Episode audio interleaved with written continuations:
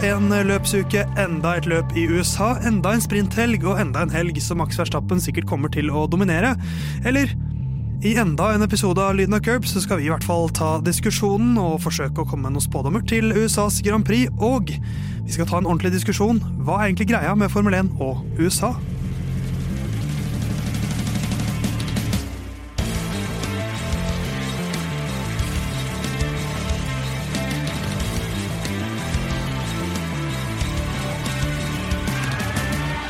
For gang nummer 77 så er det en ære og også en glede, må jeg jo egentlig si at det er, å ønske velkommen til en ny episode av Lyden av Curbs. Det er Theis bak spak og klaff. Denne gangen også for, jeg tror, 76. gang av de 77. Jeg er ikke alene i studio, heldigvis. Eh, Jon Halvdan har sagt fuck off og dratt til eh, Asia. Mm. Men du, Herman, plutselig er du mann å stole på. Hvem skulle trodd? Nei, det kan man lure litt på. Eh, og det er jo et slags korthus eh, når man skal lene seg på meg, for det vil jo falle. La casa del papel. Ja, det vil falle, men ikke i dag. Nei, Nei, jeg blir her sendinga ut. du lover meg det på Det- tro og ære. Det er det eneste jeg kan love hva angår de neste fire ukene. Um, og det har, skjedd, det har vel skjedd før at Jon Halvdan og jeg har laget en episode med bare oss to. Mm. Men Herman, Ja, ja nå er katten borte. Altså. Nå er det musen her som skal danse på bordet. Og det er bare oss to i studio. Ja, ja, vi mangler jo et slags faglig alibi, eh, som i hvert fall ikke jeg har noen plan om å fylle. Men det er jo også befriende, for jeg føler jo ofte at jeg blir jeg blir holdt litt nede av denne Jon Halvdan. Han er litt sånn eh, Det er papparollen her. eh, Og hvis jeg sporer av, så, så skal han hente meg inn. Eh, Så får vi se om du greier det samme i dag, eller om det bare flyter. Ja, det kan jo bli litt sånn som eh, hvis for eksempel et, et fotballag, da, for å bruke en idrett som du forstår Nei. Eh, Hvis et fotballag mister en toppspiller, hvis en toppspiller legger opp, forlater klubben osv., så, videre, så snakker man altså om hvem skal erstatte Mm. den spilleren. Og da er det jo ofte sånne folk som sier, det kan jo hende her at laget som et kollektiv tar et steg opp, Mm. og faktisk klarer å fylle det tomrommet Ja. som et fellesskap. Vi får se. Eh, vi får se om vi klarer det. Ingen faglig tyngde i dag, men mye farlig tyngde Ja. i stolen her i Det er jo mye tyngde, i hvert fall i denne stolen. Ja, Jeg er ikke så mye lettere enn deg. Eh, Herman, hvordan går det med deg for tiden? Eh, det, ja, nei, det går uh, bra. Det er uh, i tampen av eh, fotballsesongen. Så vi er i, i mitt da nydelige sjettedivisjonslag hjemme i Langangen. Ja. Så kjemper vi om opprykk. Ja. Og det er neglebiter. To kamper igjen. Vi skal i hvert fall i playoff. Den blir spilt på Skagerrak Arena hvis ikke vi rykker direkte opp. På ekte? Ja, ja, Det er jo helt rått. Ja, og altså min uh, trait i fotball, det er lange innkast. Og det. vi spilte på Skagerrak Arena i fjor, og da var det også om opprykk, og vi rykka jo opp, da. Men da hadde jeg ikke lenger lange innkast.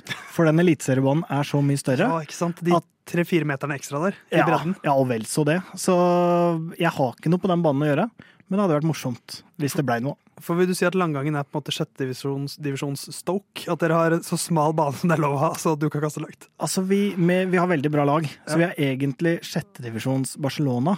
Men vi, spiller, men vi spiller som Stoke. Ja, ikke sant. Så det er på en måte en sånn delap som flyr rundt der, og det er meg. Stoke Låna. Eh, hvor kan man følge Langgangens eh, idrettslag hvis man ønsker å følge deres kamp om opprykk? Vi har en eh, Instagram som er ganske oppdatert. Så hvis man følger oss der Nå har jeg begynt å plugge Langangen fotball, men hvis man følger oss der Det var jo jeg som ba deg gjøre det. Ja da, men følg oss der, så kan man få med seg alt. Langgangen.i eller noe sånt. Ja, noe sånt. Noe Bare sånt. søk Langangen, så må det dukke opp. Men hvordan, Theis, Hvordan går det med deg? jeg spiste wagyu for første gang for, for tre dager siden. Oi, Ja. som en hyllest, til Jon?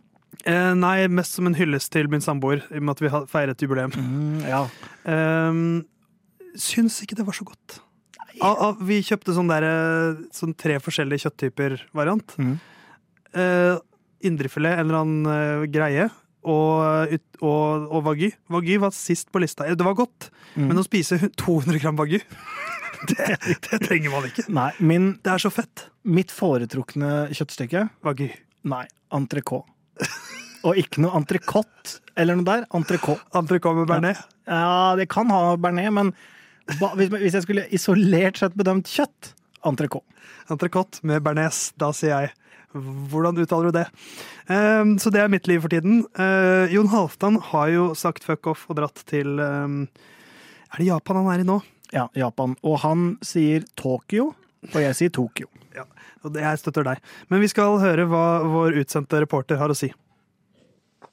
Ja, jeg er jo da på tur med orkesteret som eh, jeg jobber for eh, til Japan, som annonsert sist. At eh, første fulle dag i Tokyo i dag, og det har vært eh, spennende. Mye å se på. Jeg er fortsatt litt sånn eh, storredd, selvfølgelig, så alt er spennende. Um, Syns jo da selvfølgelig at det var litt for enkelt. Det er toll og eh, immigrasjonsmyndighetene, så jeg brukte også tid på å vinne en budrunde for å kjøpe ny leilighet eh, da vi sto i tollen i går, så det var eh, eh, gøy. Eh, Så nå blir det nytt bosted etter hvert. Eh, og jeg vet jo at Herman er eh, ekstremt interessert i om han skal låne eh, mer eller eh, ikke, men han får aldri fingeren, fingeren ut, mens Theis han er bedre på å eh, ta avgjørelser raskt. Så eh, nå, Herman, nå må du bare eh, få, få gjort kjøpt ny leilighet eller ikke, er min oppfordring. Her var det mye å ta tak i. Ja, det er Jeg klarer ikke å bestemme meg for om han er veldig jetlagd eller full. eller begge deler. Ja, altså For dette, dette fikk jeg for du, du er ikke så flink til å sende meg opptak tidlig, Herman, når du er borte. Men nei. det er jaggu ikke han her heller. Det her fikk jeg for 20 minutter siden. Ja, ikke sant? Eh, så det vil si at det er ganske sent på kvelden nå i Japan. Ja, og så det Jeg vet ikke, men han har aldri på en måte hørtes mer ut som en som jobba med det han jobber med. Fordi nå Det var noe på en måte nedpå. Ja. Det var en ny Jon Halvdan som var eh, virkelig seg sjøl. Det er spilt inn ca. halv to på kvelden, tror jeg. Eller om natten. Ja. Um, for det er det klokka er i Japan nå. Så Ja. jeg tipper han har vært ute på en snurr. Uh, men gratulerer med boligkjøp, da. Ja. Jon, det må vi jo si. Ja, er er du stolt av gutten? Jeg er stolt av han så lenge han har maksa. Det er jo min eh, policy i livet. Vi bor eh, et sted hvor boligmarkedet er veldig gunstig. Da er det bare makse. Makse, makse, makse, makse. Um, og det Jeg vet ikke, men jeg fikk inntrykk av at de skulle makse. Ja. Så gratulerer med maksinga, Jon Halvdan. Eh, jeg har litt fun facts å komme med, Herman. Ja. For nå må vi begynne å snakke om Formel 1. Det er jo det denne podkasten og dette radioprogrammet egentlig handler om. Mm. Ikke om oss. Eh, Det er den 77. episoden av Lyden av Curbs. Og nå kommer den delen av programmet som du syns er mest utfordrende, Herman. Mm. Som er å huske disse fun factene som jeg kommer med. Eh, Hvor jeg forsøker å koble tallet, episodetallet, opp mot en relevant faktoide fra Formel 1-verdenen. Og jeg har klart det denne uka også. Tror du ikke det at eh, Michael Schumacher har flest raskeste runder gjennom tidene? Hvor mange tror du han har? 77. 77 raskeste runder, tre av dem fra USA. Men uh, alle de tre da i Indianapolis. Så han, uh, han rakk aldri igjen i Kota. Uh, 2012 var den siste han fikk, den var på Hockenheim. 77, hvem sitt eh, førernummer er det, da? Er det Bottas? Det er den føreren du ligner mest på, Walter Bottas. Men jeg må jo prøve å koble dette på Circuit of the Americas, som er banen de skal kjøre på denne helgen i Austin.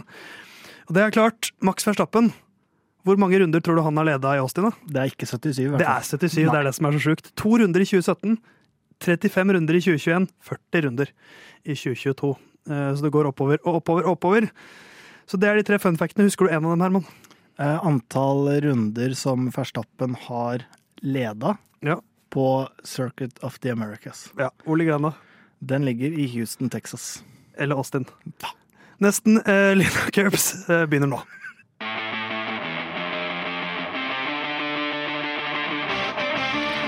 Ja, ja, ja. Circuit of the America, ikke i Houston, men i Austin. Eh, Herman, du hadde en oppfølging på slutten av forrige segment. Ja, eh, og det går jo ikke på akkurat eh, stedet, men jeg har også funnet en fact som går på da tallet Har du funnet en 77. Jeg har funnet en fact som går på tallet eh, 77. Skal det ikke være mulig? Og det er da rett og slett at eh, føreren, eh, Alessandro Nannini Ja, som, eh, han, er jo, han er jo ikke et helt ubeskrevet blad, har jo en seier og ni podium og to fastest laps.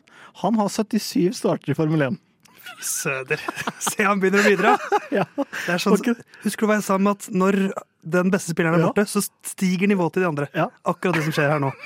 Eh, men siden du er så godt i gang, Herman, Mm. så må vi jo til USA nå. Ja. Eh, vanligvis når vi har prater om et løp som, kom, som kommer, så har vi en slags banegjennomgang hvor Mm. vi kommer med litt sånn info og frisker opp minnet om, om banen. Men det jeg tenkte vi kunne gjøre nå, Herman, Mm. er at du ut ifra hukommelsen kan ta oss gjennom en runde okay. av Cotas. Ja. Cotas Circuit of the Americas. Det er da banen som skal kjøres. Mm. 56 runder. Hver runde 5513 eh, meter lang, selv om det står 5513 kilometer på Wikipedia, som er helt feil. Der er det en K for mye. Eh, men kan ikke du ta oss gjennom den runden, Herman, ut fra hukommelsen din? Ja, altså bare ja, visualisere det, på en Ja, måte. Lukk øynene, da. Det vil jeg faktisk at du skal gjøre. Nå lukker Herman øynene, og så skal Ja. han visualisere kvota. Mm. Da er det startstrekke, og så går det opp en motbakke. Og da er det ganske brå sving til venstre. Det, er, det vil føles som 180 grader. Og så forenkla sett da, så skal du høyre, venstre, høyre, venstre, høyre, venstre, høyre, venstre. I ganske mange høyhastighetssvinger. Og så skal den lang over til venstre. Og så er det noen strekker, og skal den lang over til høyre. Og så er det vel samme kombinasjon en gang til. Før du kommer inn mot målstrekket igjen, som er en lang sving til venstre. Og så er det over mål og opp bakken igjen. Det er ikke så gærent. Det er, eh, det er ganske spot on. Det er eh, en bane som har vært på Formel 1-programmet en, en god del år. De siste årene så er det Max Verstappen som har vunnet. Um, I fjor så ble det jo en, en ganske spennende dag. Uh, Ferrari var raskest i kvalik. De hadde P1 og P2, men Charlie Clair bytta motor, som gjorde at han uh, ble satt ti plasser lenger bak. Så um, det var Sainz som starta fra pole position foran eh, Verstappen og litt eh, Mercedeser. Mm. Det gikk ikke så bra, for George Russell og Sainz svinger litt inn i hverandre. Er det er, Ja, altså- hvordan husker du den situasjonen? Den husker jeg som at uh, alle begynte å hate på Russell, og det var memes, og det var fullt kjør. Men at jeg syns egentlig det var en racing incident. Men hvis Jon Halvdan var her, så ville han sagt at ikke det var det. Fordi det var på en måte oppe og etablert at det var Russell sin feil. Jeg tror han fikk en straff for det òg, hvis ikke jeg husker helt feil. Han fikk eh, noen sekunder, fem sekunder, tror jeg. Ja, så, Men sånn det føles for min del, så er det på en måte to som prøver å makse starten, og så går de i hverandre. Og det, det er sånn som skjer, men eh, litt egentlig som med forrige gang, da, med eh, Det her fikk jo mer katastrofalt utfall sist, men når Hamilton og Russell klinsjer sammen, så er det på en måte Det er litt racing incident, men én må ta skylda òg. Og, og da var det her um, Russell. Jeg er, jeg er egentlig helt enig med deg. At det er, jeg syns det er en racing incident, men at det er, eh, det er Russell mest sin Mm. skyld. For uh, Science følger på en måte racing line, Ja. uh, mens Russell bremser seint og kjører inn i Science. Ja. eh, og Science kjører litt inn i han. Men uh, Ja, Det er vel egentlig sånn at uh, Russell kan gjøre noe, Science kan ikke gjøre noe, Ja. egentlig. Men, men det er en vanskelig situasjon. Men da forsvinner jo Science ut av løpet, uh, og så dundrer jo Max Verstappen videre. Og som vi hørte fra funfacten min, hvor mange runder var det han leda? Var det 40 runder jeg sa? Ja, 40 runder leda han totalt. Så det var fem mer enn han gjorde året før. Eh, Men mot slutten så holder det på gærent. Ja, det er et langt pitstop eh, hvor de knoter noe til, og da kommer vel Klær ut før han. Eh, og det er en ganske sånn kul kamp de to imellom, eh, som også gagner vel Hamilton som ligger foran. Eh, men trist nok så kommer Verstappen forbi, forbi begge, sånn med 500-600 igjen er han vel forbi Hamilton. Så da suser han videre og vinner med en fem-seks sekunder. Året før så blir det jo også eh, da, da var det jo den, den høsten med elleville dueller mellom Verstappen og Hamilton. Det var det på, på nytt igjen i USA. Eh, der vant Verstappen til slutt med sånn halvannet sekund, to sekunder, så det var jo en ganske jevn fight. Eh, Men der er også startstrekket ganske relevant, for der eh, får Hamilton en bedre start. Litt sånn som Verstappen fikk i fjor. Mm. Eh, Verstappen pusher ham veldig ut på siden der, men, eh, men Hamilton klarer å komme seg forbi. Eh, Og jeg tenkte vi kunne snakke litt om startbakken, for den er litt spesiell. Mm. For når du bremser i, i motbakke, så blir, kan du bremse seinere. Mm. Fordi at du har tyngdekraften på din side også. Pole position der er jo på høyre side, på en måte. Mm. Mens P2 har jo da venstresporet inn i svingen. Med andre ord, du kan komme på inneren der. Mm. Eh, to år på rad så har P2 kommet først ut av sving 1. Mm. Hvordan vil du tatt, eh, tatt eh, Hvordan, hvordan syns du best man skal ta starten i USA der? For det er en veldig spesiell start. Ja, altså Inn i en 180-graderssving også, som du sa, så riktig sa. Det er Ja. ikke så mange baner som har. Nei, hvis du kommer fra høyresida, da, som er pole position, så er det jo mulig å på en måte klemme Altså kjøre den veldig trangt, da. Eh, Sånn at du på en måte skviser han på eh, andreplass, og de andre på en måte Altså men da er du avhengig av en veldig god start. Verstappen forsøkte jo på det i 2021, men da var starten til Hamilton for god, så han Ja. måtte liksom slippe han fram der. Ja, eh, Så det er jo et problem, men det kommer jo også litt an på hvem man har ved siden av seg. For akkurat den der er en sånn, og det er litt derfor jeg frikjenner Russell fra den forrige gangen. Fordi det er veldig sånn, den er touch and go, da. Fordi hvis det hadde vært Hamilton mot Alonso på første og andre rad, eh, og de, da, de tror jeg på en måte har en såpass stor og god forståelse for spillet at der kan man på en måte bare Ok, han hadde svingen, så da slipper han andre på en måte Han, han tapte den konkurransen. Så ikke sånn ut forrige helg med Hamilton, det klarer klart, eller for to helger siden. Men ja, hvis du har Verstappen, da, som du vet at ikke tar noen sjanser eh, Nei, som du vet at tar mange sjanser. Han tar færre sjanser i år, faktisk. ja, men som ikke tar noen fanger, så ville jeg jo vika uansett om jeg var på inneren eller ytteren.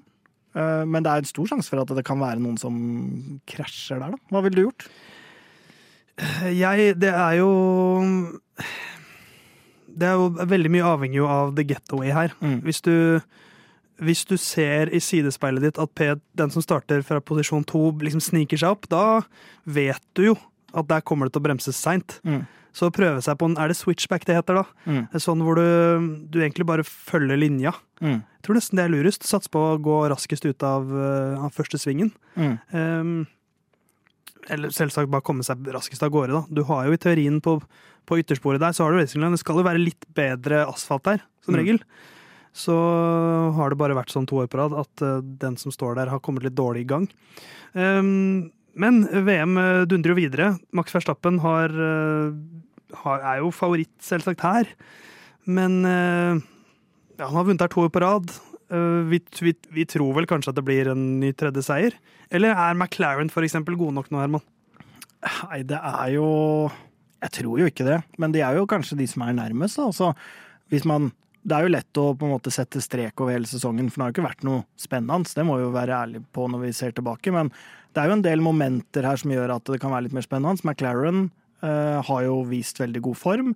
Ferrari klarte jo pole der i fjor. De kjører jo på en måte med samme fundament av eh, bilene. Det samme med Mercedes fungerte jo bra. Hamilton var jo ganske nærme seier eh, i fjor, så det er jo liksom Hvis de laga tar med seg det, og McLaren er der i tillegg, så hvem vet? Det kan jo være et håp, men jeg vil jo tro at eh, Verstappen er favoritt. Verstappen er nok favoritt. Vi skal se litt på de andre snakkisene inn mot eh, helgen i USA.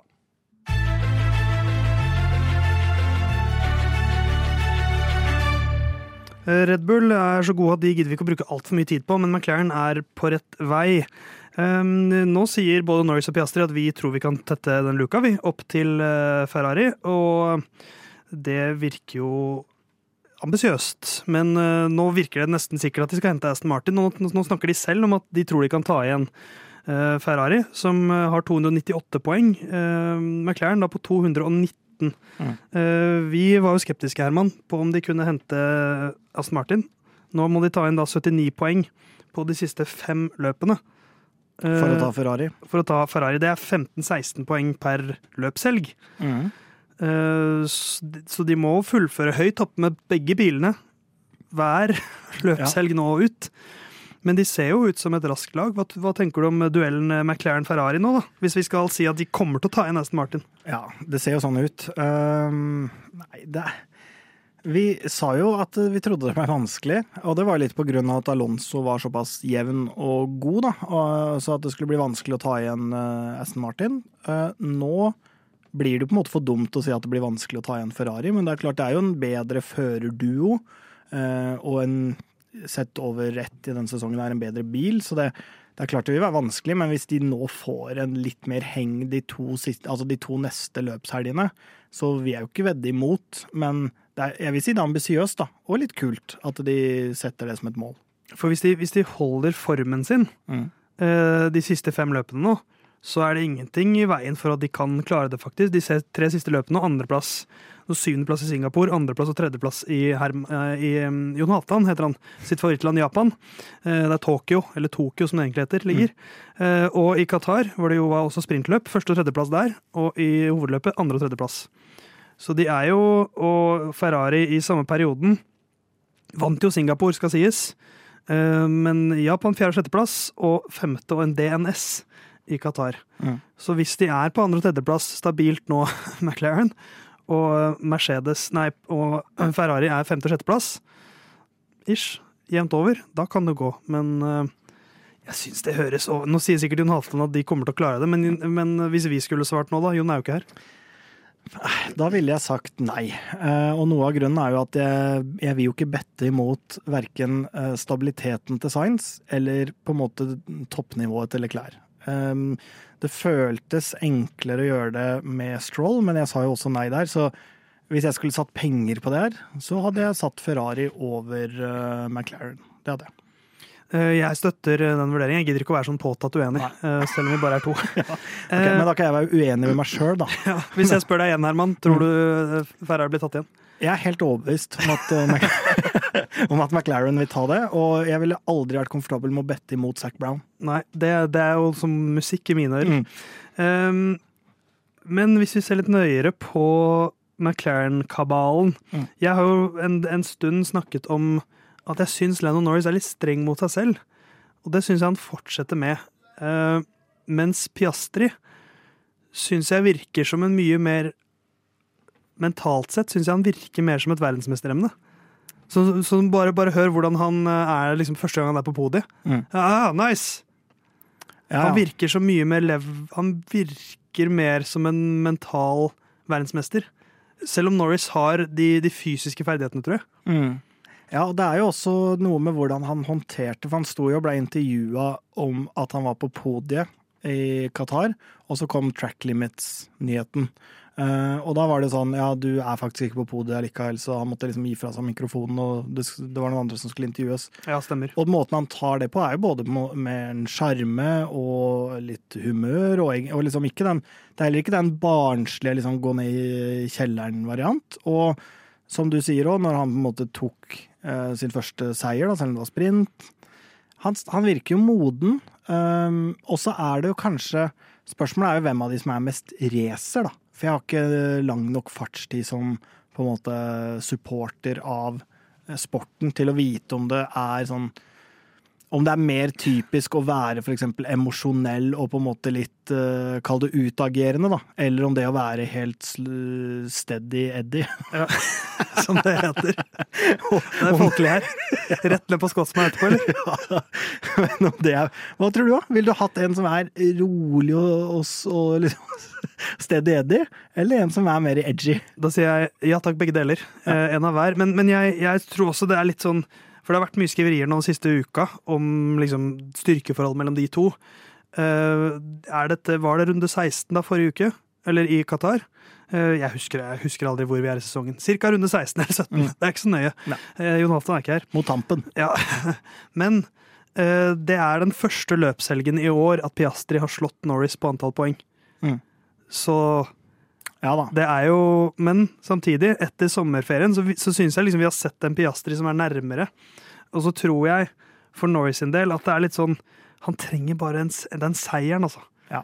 At, at det vil gi han mye ro, tror jeg. Eh, for det er liksom Kanskje han er overtroisk og begynner å tro at han er forbannet. For det Mm. har vært uh, Russland tror jeg han husker veldig godt. Ja. ja, den var jo fæl når han ikke ville bytte dekk. Eh, Så Og, og Mazepin, vet du. Ja. Han så det var russiske skyer. Han var fortsatt sistemann, men de russiske skyene lot han seg ikke lure av. Men jeg, det, jeg skjønner jo om Norris blir litt stressa, for det her er jo første sesongen til uh, Piastri. Uh, og det er jo ikke annet enn imponerende. Så nå så jeg han var sånn om det var 25 poeng eller noe unna å ha tatt rekorden som en rookie, uh, som Hamilton har. Eh, og da var det noen i en sånn eh, Facebook-gruppe som skrev sånn Ja, nå skal vel folk begynne å skrive at det var et annet format den gang og andre poeng og sånn, men det var jo det. Eh, Det var så det er jo ikke direkte sammenlignbart, men det tar jo ikke noen ting vekk fra prestasjonen. Det er jo dødsimponerende. Og jeg, altså, jeg ville heller vært i Piastri sine sko enn i Norris sine sko akkurat nå. Ja. Jeg lurer på om Verstappen sa at uh, han syns det er den beste førerduoen nå. Mm. Eller en eller annen, nei, det var kanskje ikke Verstappen, det var en som sa det. Gode Jos- kilder. Jos Verstappen. Der sier en fyr sa at Norris og Piastri kan kjøre bil. Um, men det, det er jo på en måte litt nytt, nytt sted i karrieren også for Norris sin del. Han har, eh, da han var med Science, så var det veldig lett å liksom ikke føle så mye press, for han var liksom the rookie. Mm. Uh, Ricardo kom inn. Han følte nok press da, men han var jo bedre enn Ricardo, så det var jo bare sånn de bare steg videre. Mm. Så dette er jo første gang der han møter seg selv litt i døra kanskje nå, da. Når det kommer en yngre eh, fører oppover som han merker at oi, her må jeg faktisk up my game. Ja. Så eh, hvis det slår ut positivt, så klarer jo Norris å, å eh, gjøre sånn som vi gjør når Halvdan er borte. Han hever sitt spill. Ja, det er første gang kanskje også at kurven flater ut. da. Det er fortsatt en kurve som Ja. er på et høyt nivå, men hvor ikke den på en måte stiger og stiger og stiger. Fordi akkurat nå så vil jeg jo si den har flata ut kontra Piastri. da. Eh, absolutt. Eh, hvis vi går eh, McLaren snakker veldig mye om for tiden. Er alpin det mest anonyme laget i år?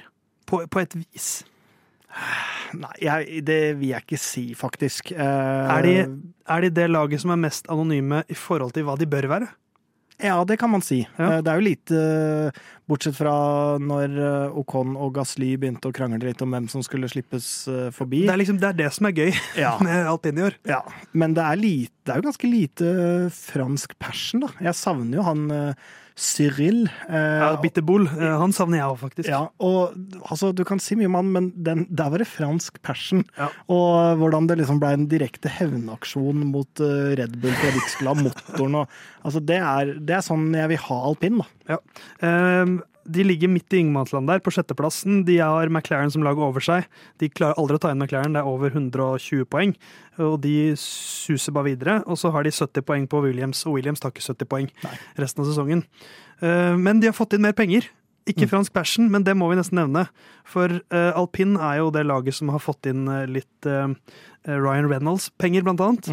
Eh, og rett før vi gikk inn i studio, så ble det offentliggjort at en gjeng med idrettsutøvere har gått inn med litt kapital. Patrick Mahomes, quarterback i Kansas City Chiefs, to ganger Superbowl-mester. Er blant dem Roy McIlroy. Hørt om han, eller? Mm. Han er god til å spille golf. Anthony Joshua, eh, bokser. Eh, Ikke hund, men da idrettsutøver Da typen bokser. Um, Taylor Swift, uh, kjæreste Travis Kelsey. Er det sånn man uttaler navnet hans? Ja. Kels. Nei, jeg vil, jeg vil si du var inne på noe, altså. Travis Kelsey, han med barten. Uh, jeg er litt skuffet over at de ikke skrev noe i Formel 1-posten om at han er kjæresten til Taylor Swift, etter alt eh, Alonso-praten der. Eh, men det er i hvert fall også kjæresten til Taylor Swift involvert i Formel 1. eh, Som man kanskje håpet han skulle bli.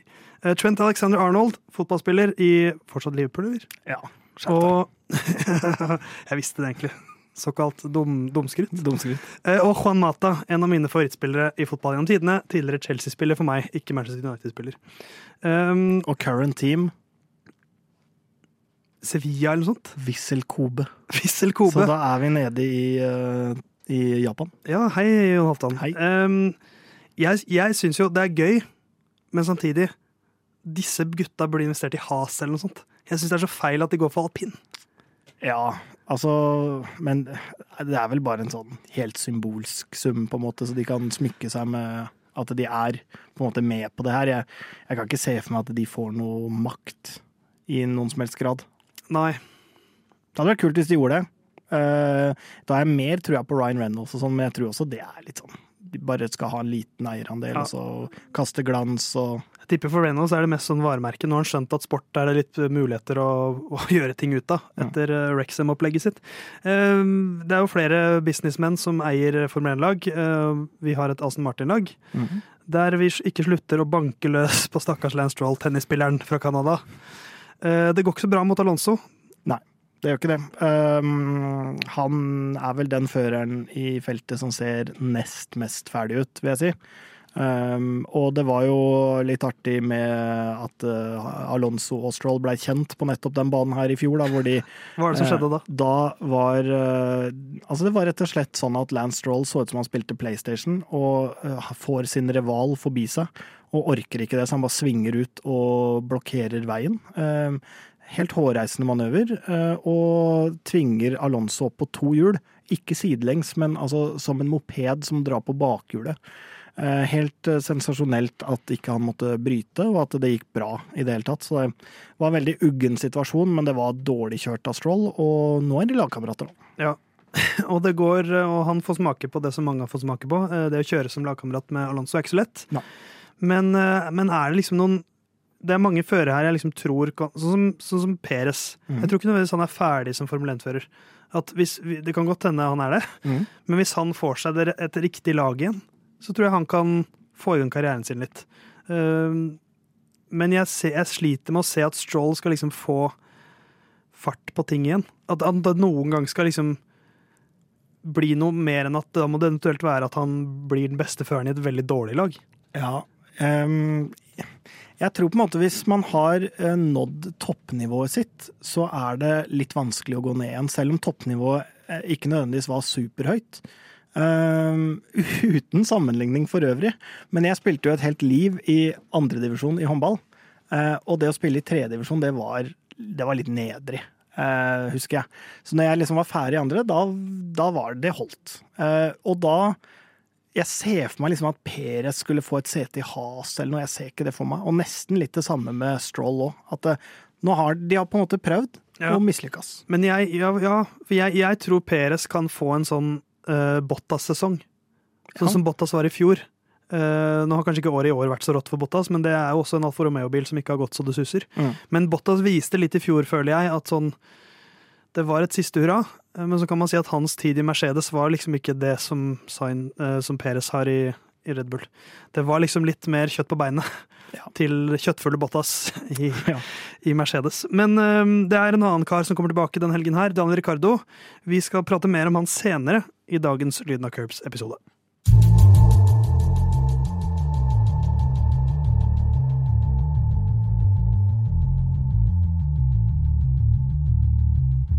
Lyden og Curbs har en tippekonkurranse, og litt sånn tradisjon tro, så er det jo Jon Halvdan som pleier å forklare opplegget på utrolig komplisert måte. Så jeg har lyst til å gjøre litt samme grepet som jeg gjorde i, eh, tidligere i sendingen, hvor jeg ba deg, Herman, om å ta oss gjennom eh, Circuit of the America. Kan ikke du forklare reglene i Lyden av Curbs sin tippekonkurranse? Det kan jeg gjøre. Det er ikke noe problem. Eh, Da har vi alle tipper pallen. Ja. Det gir uh... Det gir tre poeng. Ja. Hvis du har riktig Altså, hvis jeg tipper Hamilton på første, han kommer på første, da får jeg tre poeng. Hvis jeg tipper Hamilton på første, han kommer på andre, da får jeg ett poeng. Og sånn utspiller hele pallen seg. Ja. Og så Sensor sier så langt eleven viser god måloppnåelse og er flink til å bruke eksempler for å uh, forklare reglene på en god og lett forståelig måte. Takk. Uh, og så er det da Vi har lagt inn noe som heter Ukas sjuking. Uh, litt sånn artig navn på en ikke så original greie. Det er bare at vi skal gjette noe sjukt som skjer, men som egentlig aldri skjer. Og så får man 20 poeng hvis det som aldri kommer til å skje, skjer. Og den som er nærmest det som aldri skjer at skjer, den får ett poeng. Ja. Sensor sier eh, eleven begynner eh, fjellstøtt, bruker gode eksempler, snakker seg litt bort til slutt, men det blir fortsatt fem på eksamen. Ja, det er bra. Ehm, men i uh, Lyna Cups tippekonkurranse så er det da Herman som ligger sist. Eller gjestene ligger sist. 49 poeng. De får 3 poeng hver gang Max Verstappen vinner, for de tipper alltid Max Verstappen som vinner. Eh, Herman har 67 poeng, Theis har 72, og Jon Halvdan har 74. Um, så det er jo fortsatt ikke flere poeng i det her enn at treffer man riktig med podiet en gang, uh, og så får man ni poeng, så kan det vippe alt. Så dette er fortsatt alt å spille for, for alle tre. Uh, og Herman, jeg tenkte vi kan høre din topp tre Ja. først. Det er uh, Max Verstappen. Nei, sier du det? Ja. Og, så, du har tatt min rolle med å være sarkastisk eh, rundt pallen. Ja. Det er helt fint. Uh, og så har jeg Fiastri. Nei, gått av banen. Nei. Uh, og så har jeg Hamilton. Nei, det skal da ikke være mulig. Nei, skal ikke det? Um, jeg har en lignende en. Verstappen. Hamilton. Norris. Ja. Så det er på en måte Det minner jo veldig. Ja. Um, og så tror jeg vi skal ta vår ukens sjuking før vi hører tipset fra Jon Halvdan. Mhm. Eh, Hva er din ukens sjuking, Herman? Og reglene her er jo da at én i studio må akseptere den. Mm. Så det vil si at jeg må akseptere den denne gangen. Ja. I og med at vi bare er her, en annen her. Ja. Eh, min ukas sjuking er ganske enkel og grei. Det er at eh, en av uh, sessionene, altså trening 1, 2, 3, kvalik, sprintkvalik, ja. sprint, løp, blir ikke avvikla pga. Av vær. Oi. Og da er jo Jeg kan jo, tenke, jeg kan jo ta deg med på øh, resonnementet. Nå er de litt øh, reaksjonære rundt øh, varmen som var sist. Texas kan være veldig varmt. Kanskje får vi se en variant hvor ikke de kjører en session. Men jeg sier vær, Ja. så det kan komme en sandstorm. Ja, ja, ja. Darude. Uh, Det er noe, det er noe. eh, jeg bare sitter og tenker litt. Eh, altså, ja Det skal Det, det sitter langt inne. Eh, hva legger du i ikke avviklet? Er det kan hvis går, Ligger det i det Jeg kan godta det hvis det ligger i det at det ikke blir startet. Ja. Det er det det ligger i da. Ja, for, vi, for det kan jo Du kunne liksom karolert på sånn Nei, men den eh, var, de avslutta ti minutter tidligere fordi at de, det var for varmt. De kutta halve løpet, for eksempel. Ja, altså øh, For å kverulere på i forkant Hvis det er noe som ikke blir et gyldig resultat, så vil jeg si på en måte at det heller aldri ble avvikla.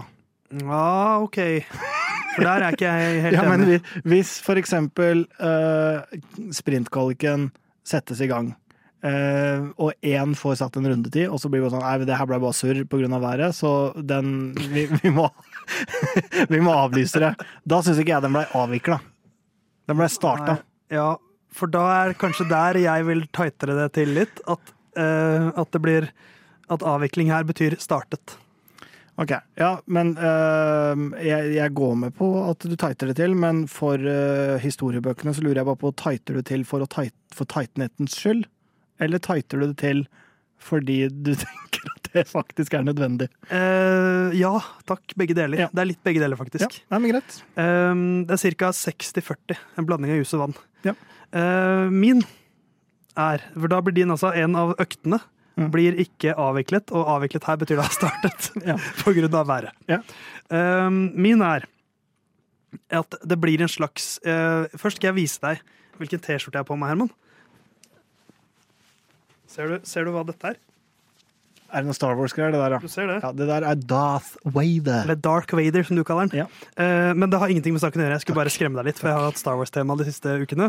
Uh, men vi skal tilbake til det som skjedde i fjor, uh, hvor George Russell kjører ut Carlos Sainz Mm. på første runden. Jeg sier følgende. Hamilton vinner løpet etter en krasj hvor uh, Russell gjør noe à la det Russell gjorde mot Sainz i 2022 mot Verstappen. Ja. Så uh, for Russell, Russell jeg, jeg tror noe kommer til å skje ganske tidlig i løpet. Mm. Det jeg ikke, har jeg ikke lyst til å legge inn i tippinga, fordi jeg syns allerede det er ganske urealistisk. Uh, men at Russell kjører ut Verstappen, litt à la det han gjorde i fjor, og Hamilton vinner løpet. For nå har det gått for bra for Verstappen for lenge. ja, det som er problematisk med den her, er at det er fører A over fører B. Nei, det er jo ikke det! Det er jo virkelig ikke det. Det er eh, fører A over fører B, C, D, E, F. Ja, men det er jo ikke bare det. Og så er det da et moment at Russell skal treffe Verstappen, og da kan jo du argumentere for at ja, men det var jo ganske likt det som skjedde med, med Science. Men samtidig, hvis den går inn, og det gjør at Jon Halvdan ikke vinner, så er det det nest beste som om jeg vinner, så jeg godtenner godta- godtenner den. Du er et stort menneske, Herman. Mm. Et stort menneske fra Langloggen. Uh, vi har en stor gutt fra Sørlandet som er eh, enda lenger sør, i Japan. Uh, Jon Halvdan sine tippetips kommer her, og så får vi se om vi godtar det. da. Topp tre, det er jo selvfølgelig eh, Verstappen på topp. Jeg tror at eh, den eh, McLaren-bilen kommer til å funke bra også her. Setter Norris på andreplass, og så er Ferrari vel tilbake igjen, så da blir det eh, representert ved Carlos Sainz, som får en tredjeplass. Videre til ukens sjuking. Etter å ha krasjet i én treningssession, eh, kvalifisering og i løpet av de første fem rundene så eh, før neste podkast spilles inn, så får, er det annonsert at Peres ikke beholder setet i Red Bull. Så altså, eh, for at eh, denne skal gå inn, så må Peres krasje i minst en trening, en kvalifisering og eh, i løpet, de første fem rundene i løpet. Og det må annonseres at han ikke får fortsette i Red Bull. Den skal være vanskelig å skute, den, Herman. Men før vi tar fatt på, på hva vi syns om det der, er han full, eller er han veldig trøtt? Eller, Nei. det? eller jetlag. Det, er, for det, er- det her, jeg kjenner ikke denne, si denne siden av Jon Halvdan har jeg sett én gang før, cirka, og det var utdrikningslaget hans. Da han var veldig sliten og ville hjem. Ja, det er eh, jeg, For meg så er det her noe veldig ektefølt over Jon Halvdan. Det her er den Jon Halvdan eh, som han egentlig er. Ja. Når han ikke skrur seg til og Jeg snakker jo ikke helt sånn jeg er, eh, sånn som jeg gjør nå, jeg heller. Jeg snakker heller ikke helt sånn. Nei, så jeg tror bare det her er så ekte Jon Halvdan vi kommer til å få i lyden av Curbs, og det er litt vakkert, men hva skjer med lyden? For en så lydteknisk god mann. Hva er det han sender oss? Dette oser jo. En fyr har kommet seg inn på hotellrommet, kommet på ah, shit, jeg har en podkast. Ja. De skal i studio om en halvtime, selv om klokka er snart to her. Jeg må sende dem noe dritt. Men det er, ellers har han tenkt sånn, jeg må komprimere det veldig, fordi det skal lastes opp fra internett eh, på hotellet, som ikke er så bra. Um, men tilbake til uh, tipset hans. Han tipper jo da uh, Verstappen, Norris og uh, Science. Ikke Mm. noe å si på det. Men også da at etter å ha krasjet i trening, kvalik og i løpet av de første fem rundene i hovedløpet, får vi si da, tolker det sånn, Mm, ja, ja, ja. eh, så forsvinner Sergio Perez ut av Red Bull før neste Lyden av Cups-episode, som det er neste uke. Ja, han snakker jo ikke om kvalik, så det er jo, alt forholder seg jo til altså vanlige eh, Nei, han snakker ikke om sprint, så det er jo den vanlige kvaliken også. Ja. Um, hvis jeg skal si min magefølelse uten at jeg avgir endelig stemme, så tenker jeg jo at den er godkjent. Eh, men jeg har ikke, den er ikke godkjent enda, fordi vi har jo en praksis her som har gått hardt utover meg mange ganger. Men grunnen til at jeg tenker godkjent, er for det første, det gir ikke noe mening at de skal offentliggjøre det før Mexico. Nei, for det, det er det store ankepunktet her, ankepunktet, ankepunktet Ja. her som jeg føler kanskje han har glemt i Japan. At de skal, det, de, Red Bull-salget, Monster, kommer til å slå Red Bull konkurs Ja. i Mexico hvis de gjør det. Ja, og så er det er respektløst også overfor uh, Peres. Så litt respekt har de for han. ja, Og så skal han krasje i trening. Det skjer sjeldent. Han skal krasje i kvalifisering. Og han skal krasje i eh, løpet På de fem første rundene. Ja. Og da eh, vil jeg jo også kunne argumentere i etterkant av at hvis han snurrer, men ikke er i kontakt med noen, så har han ikke krasja. Nei. Han, eh, hvis han krasjer i en eh, vegg eller en annen fører, så har han krasja. Men hvis han snurrer på curbsen, blir stående fast i grusfella, så har han ikke krasja, i mitt hode. Er, er, det, er det det vi tighter til? Nei, det er, men det er, jo, det er jo ikke å tighte til engang. Det er jo Nei, det han sier. Jeg godkjenner det som den er, fordi jeg tror Det er ingen grunn til at de skal Selv om han kjører det løpet der, Ja. så tror jeg ikke de kitter han ut før Mexico. Nei, men er du ikke enig i at en krasj ikke er det samme som å stoppe på en grusfelle? Helt enig. Ja. Eh, men da har du klart det, Jon Halvdan. Du har fått gjennom en ukens sjuking uten at den blir tighta til. Eh, Mm. Vi får se hvor dette går neste uke.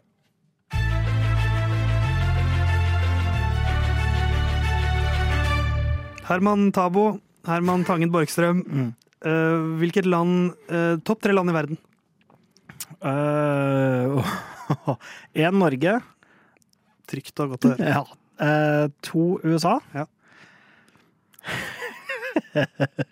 Um, Dette, var- dette traff et eller annet hos deg. tre Spania. Ja, og der du kjøpte Å, meg. Ja. Norge, to Danmark. Tre Belgia, kanskje. Ja. Ja. Ja. Um, men grunnen til at jeg stilte deg det spørsmålet, var fordi jeg visste at USA kom til å være nummer to. Mm. Uh, de er jo nummer én når det kommer til antall løp på Formel 1-kalenderen. De er også nummer én på antall Formel 1-førere gjennom tidene, faktisk. Uh, 233 Oi. uh, førere har uh, USA hatt gjennom tidene. Det er, grunnen til det er jo at det var en periode hvor det var mye løp i Indianapolis, hvor det var sånn Formel 1-sesongen var litt sånn De kjørte i Europa, og så var det noen sånn køddeløp i USA hvor de kjørte inn i Indianapolis, og det var masse amerikanere på start som bare kjørte det løpet. Eh, Så der fikk USA veldig mange førere som Ja. har sånn én start. To. Eh, To spørsmål til deg da. Ja. Én, hvem tror du er min favoritt-amerikanske fører? Og to, hvor tror du jeg studerte et halvår? Uh, Jeg tror du er veldig glad i Scott Speed. Ja, Ja, stemmer. det, det er det, på ekte. Ja. Som var da den forrige ordentlige Formel 1-føreren til USA, før Logan Sargent Mm. uh, slapp til. Og så er spørsmålet hvor du studerte. Mm. Indiana. Stemmer. Ja, for det Ja. var Indianapolis-relatert. Stemmer. Uh, anbefaler du det som reisemål? Nei, og, nei, nei, nei, nei, nei, nei, det må folk ikke gjøre. Men eh, anbefaler jeg det som uh, studiested et halvår? Eh, ja. Tja. Eh, Men uansett, USA har altså da 33 løpsseire. To verdensmestere. Det er Phil Hill i 1961. Det er Mario Andretti i 1978. 129 podieplasseringer har eh, de også fått til, men ikke da siden 1993. Michael Andretti i McLaren var den forrige. Så eh, det er en stund siden sist. 1978, da, da Mario Andretti ble verdensmester. Det er sist en amerikaner vant et Formel 1-løp. Uh, Men Herman, mm. nå er liksom USA, føler jeg, neste stedet som Formel 1 håper å erobre. For nå, begynner, nå har vi tre løp der. Mm. Uh, Drive to Survive har blitt en greie. Uh, vi har en amerikansk fører. Men, men blir, det, blir det Formel 1-fans ut av det, da? Du som er vår Amerika-ekspert. Ja, jeg har jo øh, på en måte en, en fot på innsida, øh, og har øh, gjennom siste året tatt tempen på det her. Um, og der jeg tidligere år ikke har følt at det har vært noe særlig Formel 1-interesse, så virker det nå som at det har fått mer fotfeste. Og så er jo det her et ganske lite utvalg da, på min omgangskrets der, men samtidig Eh, Det at det ikke hadde fått fotfeste på en måte tidligere, det kan vi kanskje ikke uh, lese så mye ut av. Men det at jeg nå har en fire-fem bekjente som er veldig, veldig Formel 1-interesserte, det tenker jeg absolutt at vi kan lese en del ut av. Så jeg har inntrykk av at det har fått uh, fotfeste nå. Uh, hvordan det er opp mot NASCAR, IndyCar og sånne ting, det, det er vanskelig å si. Men eh, jeg tror Drive to Survive har gjort underverker der òg, altså. Eh, Ja, jeg har gjort eh, litt research i form av googling. Eh, Formel 1-seertallene i USA er på rundt 1,3 millioner i snitt. Eh, Men det har vært, altså de amerikanske løpene er mye høyere osv. Mm. Men så er det sånn, jeg syns sånne seertall alltid er så vanskelig å, å forstå hva det betyr. Sammenligner du det med, med en, NF, en NFL-kamp, Mhm. Eh, der har du snitt 17,5 millioner seere. Men det er jo en erkeamerikansk Ja, ja. idrett, eh, så det er 10% av det. Um, mens NASCAR har jeg også sjekket ut. 3,7 millioner i snitt i 2022.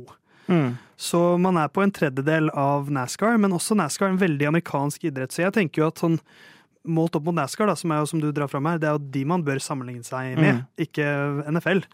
Uh, så tenker jeg at det, det er jo egentlig ganske bra, er det ikke det? NASCAR har jo dype røtter i USA. Ja, altså alle i USA har jo et forhold til NASCAR uansett om man ser på det eller ikke. De er så glad i venstresvinger. Ja. Sånn at det, det å kunne liksom være på en tredjedel av det, det ville jeg jo tenke var bra, men jeg kan jo ikke se for meg at i og med at de satser så mye i USA nå, da, at de er i nærheten av der de ønsker å være. De må jo ha eh, ambisjoner om å bli den ledende motorsporten med tanke på seertall og sånn, men en ting man heller ikke skal undervurdere helt, da, er jo nettopp det her med mm, sendetider og sånne ting. Vi ser jo. Garantert i Norge så vil det jo også være store avvik når man må opp veldig seint på natta eller opp veldig tidlig på morgenen. Eh, Det passer ikke for alle. Eh, Det er ikke topp én-prioritet. Så det, jeg ville jo kanskje tro at en del av de løpa i Europa har veldig lave seertall, mens en del av de andre, f.eks. i eh, Brasil og Nord-Amerika og sånn, har høye seertall. Ja. Så mm, det vil sikkert variere ganske mye, og det må vel kanskje være med i beregninga for, for satsinga. Godt poeng. Eh, Miami eh, i fjor var eh, rekord for ABC, som da hadde rettighetene, på 2,6 millioner. Mm, Så det er jo en million under snittet til NASCAR. Mm. Eh, Så det er kjempebra. Men det er et godt poeng, og kanskje også et, en fakt, et faktaopplysning som legger litt lokk på hvor stort det kan bli. Ja, i hvert Sånn- fall sånn totalt sett, ja. Ja. Det vil jeg nok tro. Uh, og vi kjenner jo det godt til, godt til det sjøl, når vi ser mesterskap, og kanskje særlig OL, da, som, uh, som påvirker det, men også enkelte VM og sånn. Det, det påvirker jo interessen uh, for oss også, som følger, altså vi som følger våre sporter herfra. Jeg har kommentert aking, bob og skeleton i OL. Og de to OL-ene jeg har kommentert, var da i Kina og Japan. Ja. Eh, så jeg har jo da også jobbet natt, nattevakt, og det var veldig rart. Så for, det, det er noe rart med å liksom skulle stå opp og se Formel 1 klokka fem om morgenen eller veldig sent på kvelden. eller hva Det nå Det blir vel ganske tidlig på morgenen blir vel for USA. Ja, Vi starter det. ofte to-tre. Mm. Så blir det eh, Men da er jo Formel 1 også veldig internasjonalt, så vi, vi også må jo gjøre det av og til. Mm. Eh, Men vi er jo eh, hva skal man si, privilegerte som europeiske fans Ja. i Formel 1, som er en fortsatt veldig europeisk sport. Men eh, Men så har vi ok, vi har en kalender som legger litt begrensninger, men så er det jo også mangel på amerikanske helter her, da. Det er det. Men så har de jo en slags patriotisme uansett. Altså jeg ser for meg litt sånn, sånn som uh, mannen vi kommer tilbake til senere, Daniel Ricardo. Um, jeg ser for meg at han på en måte kan, kan, være en amerikansk folkehelt, selv om han ikke har amerikansk pass, på en måte. Hvis man ser på um, Arnold Schwarzenegger, for eksempel. Han er jo en veldig Altså, han er jo en slags amerikansk folkehelt. Ble guvernør i California, mest Ja. folkerike staten i USA. Ja, Det er så- kjempesterkt. Ja, så han er jo absolutt en folkehelt, men samtidig um, Så har han ikke stemmerett. Nei, Det er, det er et paradoks. det er det. Guvernør, men ikke stemmerett. Ja. Så, så det kan hende på en måte at de kan finne sine helter sånn sett. Kanskje særlig da en sånn type som Ricardo. Um, ja, ja, De er mer opptatt av at han har en amerikansk aura, enn at Ja. han er amerikaner. ja, nesten. For ja, jeg, jeg kan se at de faller mer for han enn for Logan Sergeant, liksom. Ja, og også sånn som Lance Stroll er jo ikke på en måte veldig amerikansk i hvordan portretteringa hans er. I hvert fall sånn hva han velger å svare på av intervjuer sjøl, hvordan han kommer fram i Drive to Survive og sånne ting. Mens faren hans er jo veldig sånn erkeamerikansk. Selv om han er fra Canada. Stemmer. Men det er da på en måte fortsatt amerikansk. Fortsatt amerikaner. Um, vi får se uh, om Logan Sergeant klarer å skape Formel 1-feber, eller om uh, å nærme seg NASCAR er liksom det som er realistisk å få til. Eh, Time vil se. Dan Ricardo har jo på en måte danset litt rundt så langt i dagens Lina Cups. Eh, det er fordi vi skal prate om han nå.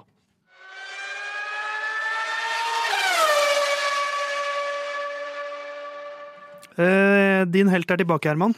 Mm. Dan Daniel Ricardo han er tilbake i Formel 1 etter at han eh, brakk håndleddet i Nederlands Grand Prix, som er en god stund siden.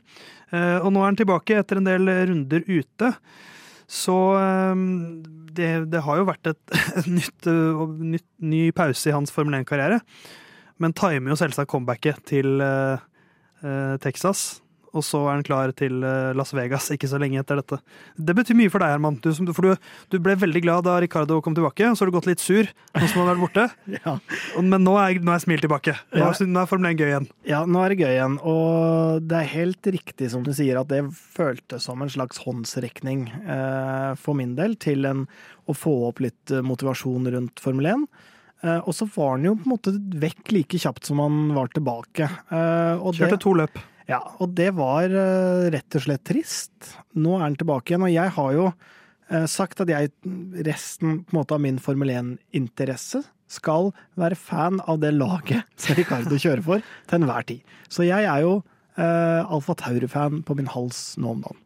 som seg hør og bør. Ricardo har jo vært uh, knyttet til Red Bull-systemet lenge. Han var Red Bull te- altså, eh, junior.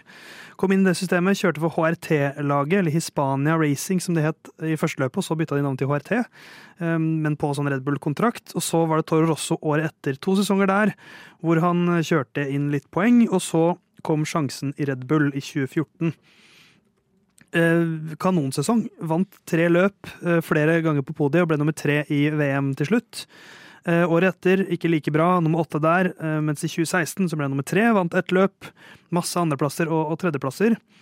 Og så etter det, eh, en sesong til i Red Bull, eh, nummer fem.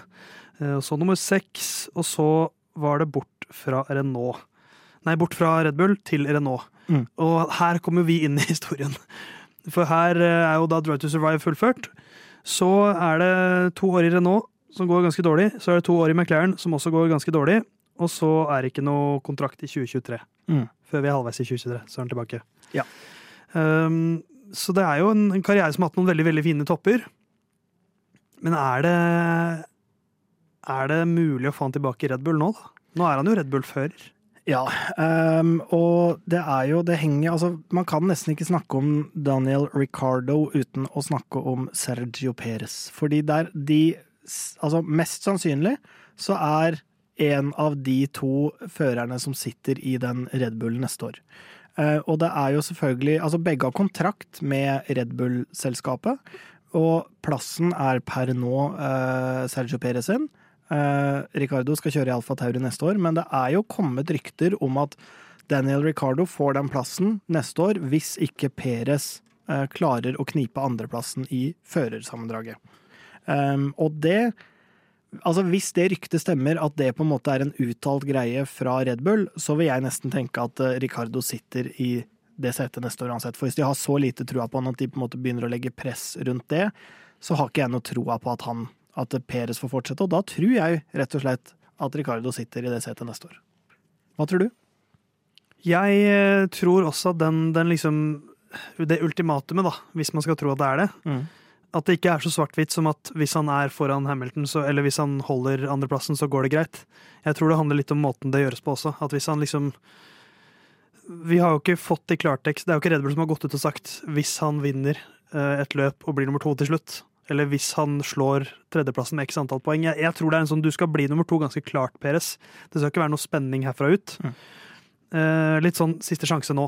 Eh, hvis ikke, så Mm. ut med deg til neste år. Ja. Eh, Så har vi jo sett at Red Bull er ikke så De, de hater ikke å switche det opp med det setet. Vi husker Gasly, Albon som kom inn halvveis i sesongen. Altså de, de er ganske pragmatiske på det andre setet, virker det som. Eh, Men Ricardo har jo stukket fra det før, da. Men han har jo kommet litt tilbake med halen mellom beina nå. Ja. Det er jo en helt annen status rundt Ricardo. For det første så er han jo en større stjerne, på en måte. Um, sånn utafor setet. Uh, men uh, han vil nok også ha en mye mindre sånn uh, arroganse og selv, altså selvsikkerhet rundt det at han skal være en førstefører. Han vet uh, hvor skapet nå står, og det er nok ganske urisikabelt for Red Bull å hive inn han.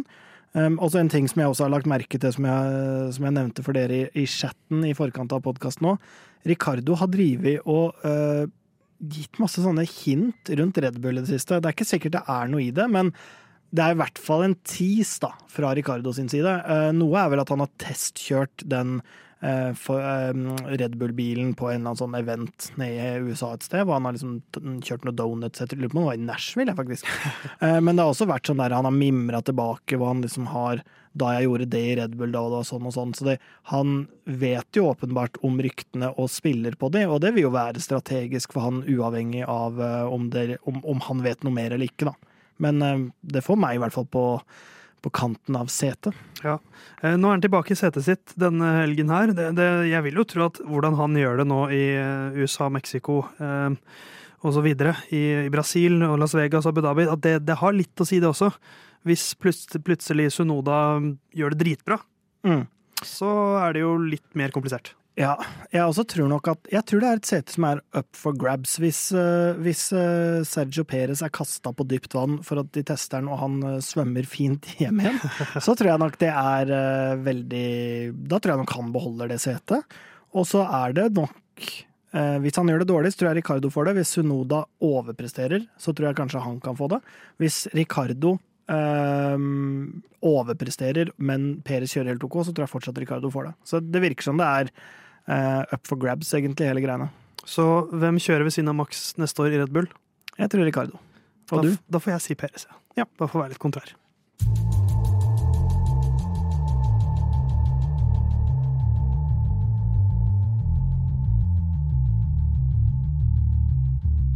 Før lyden av curbs eh, takker for seg i dag, Herman, så må vi si takk og farvel.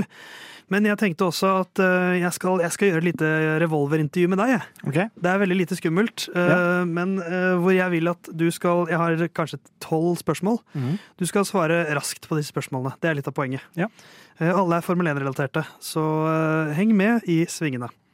Herman Borgstrøm, hvilken bane liker du aller best? Uh, Bahrain. Hvilken liker du aller minst? Monaco. Monaco, faktisk. Hvorfor, hvorfor er Hamilton bedre enn Verstappen? Eh, han har mange flere gull. Hvorfor er Verstappen bedre enn Hamilton?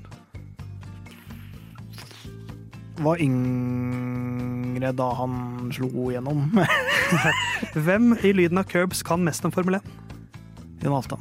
Hvem i lyden av Curbs forstår Formel 1 best? Herman. Hvor god kunne du blitt om du satset Formel 1 fra tidlig alder? Eh, ikke god, jeg er for tung. Hvorfor når ikke Dennis Hauger Formel 1? Jeg tror ikke han har nok eh, pace. Hvorfor når Dennis Hauger Formel 1? Stabiliteten à la science. Er du god, altså? Hva er det beste med Formel 1? Det er eh, at det er eh, sjakk i 300 km i timen. Hva er det verste med Formel 1? At Verstappen vinner hele tida. Hva er det beste med Formel 2? Eh, at vi har et norsk innslag. Hva er det beste med Formel 3? Eh, at vi får et norsk innslag. Hva er det verste med lyden av curbs? Uh, oppmøte samme tid hver tirsdag. Og til slutt, hva er det beste med lyden av curbs? Uh, en god stund med gode kollegaer. Og det var det jeg hadde i mitt lille revolverintervju av Herman Borgstrøm. Hvordan føltes det å bli kledd naken, sånn Formel 1-messig? For det her fikk vi sett eh, deg, din, din, din, ekte Herman Borgstrøm. Ja. Um, nei, for det første så synes jeg jeg brukte litt for lang tid. Enig, men jeg vil ikke pushe deg, for da tar det bare enda lengre tid. Ja, uh, ja, så blir det bare sånn Som er bare enda mer irriterende. Eh, så det var riktig intervjua. Men brukte for lang tid. Kom noen rare svar, og sånn som Monaco plutselig på Ja, hatlista. Ja. Uh, Og så tror jeg Altså, du, for, du, du hadde jo veid mindre hvis du hadde satt sammen mot Formel 1. ja, men jeg har tenkt eh, det samme om bryting, skjønner. Jeg tror jeg kunne vært god i bryting, men jeg er bare altfor tung og feit. Jeg kunne Men ikke det er jo vektklasser i bryting. Ja, men jeg kunne jo ikke, jeg kunne jo ikke bryte i hva er det, 85 kilo. Nå har du sett åssen de Hvis jeg skulle ned i 85 kilo Nei, nei, nei, det, det Så hvis du hadde kjørt Formel 1, så måtte de ha liksom skåret ut en større cockpit pga. Ja. av de store beina dine. Ja, på en måte. Men det her ser jo det jeg snakka om tidligere òg. Selvtilliten min tilsier at eh, jeg tror jeg kunne vært en god bryter, men selvinnsikten min tilsier at nei, jeg kunne ikke det, jeg er for tung. Jeg ønsker deg der hjemme en god uke med både selvinnsikt og selvtillit. Eh, Lyden av Curbs er tilbake om en uke. Da er det oss to, Herman. Mm. Men da har vi også en gjest på plass. Eh, vi. har booka gjester de neste ukene, så det ikke bare er oss to igjen. Så eh, Jon Halvdan, kos deg i Japan. Kos deg der hjemme også med denne helgen. Det er jo et sprintløp også, det har vi nesten ikke snakket om. Men eh, vi er litt lei av å snakke om sprintløp før de skjer. Ja. Så vi skal snakke om det neste uke. Herman, hva er dine siste ord? Uh, Daniel Ricardo, Red Bull 2024, kjør. Confirmed av Herman Lyden av Ja. Curbs. Vi høres om en uke.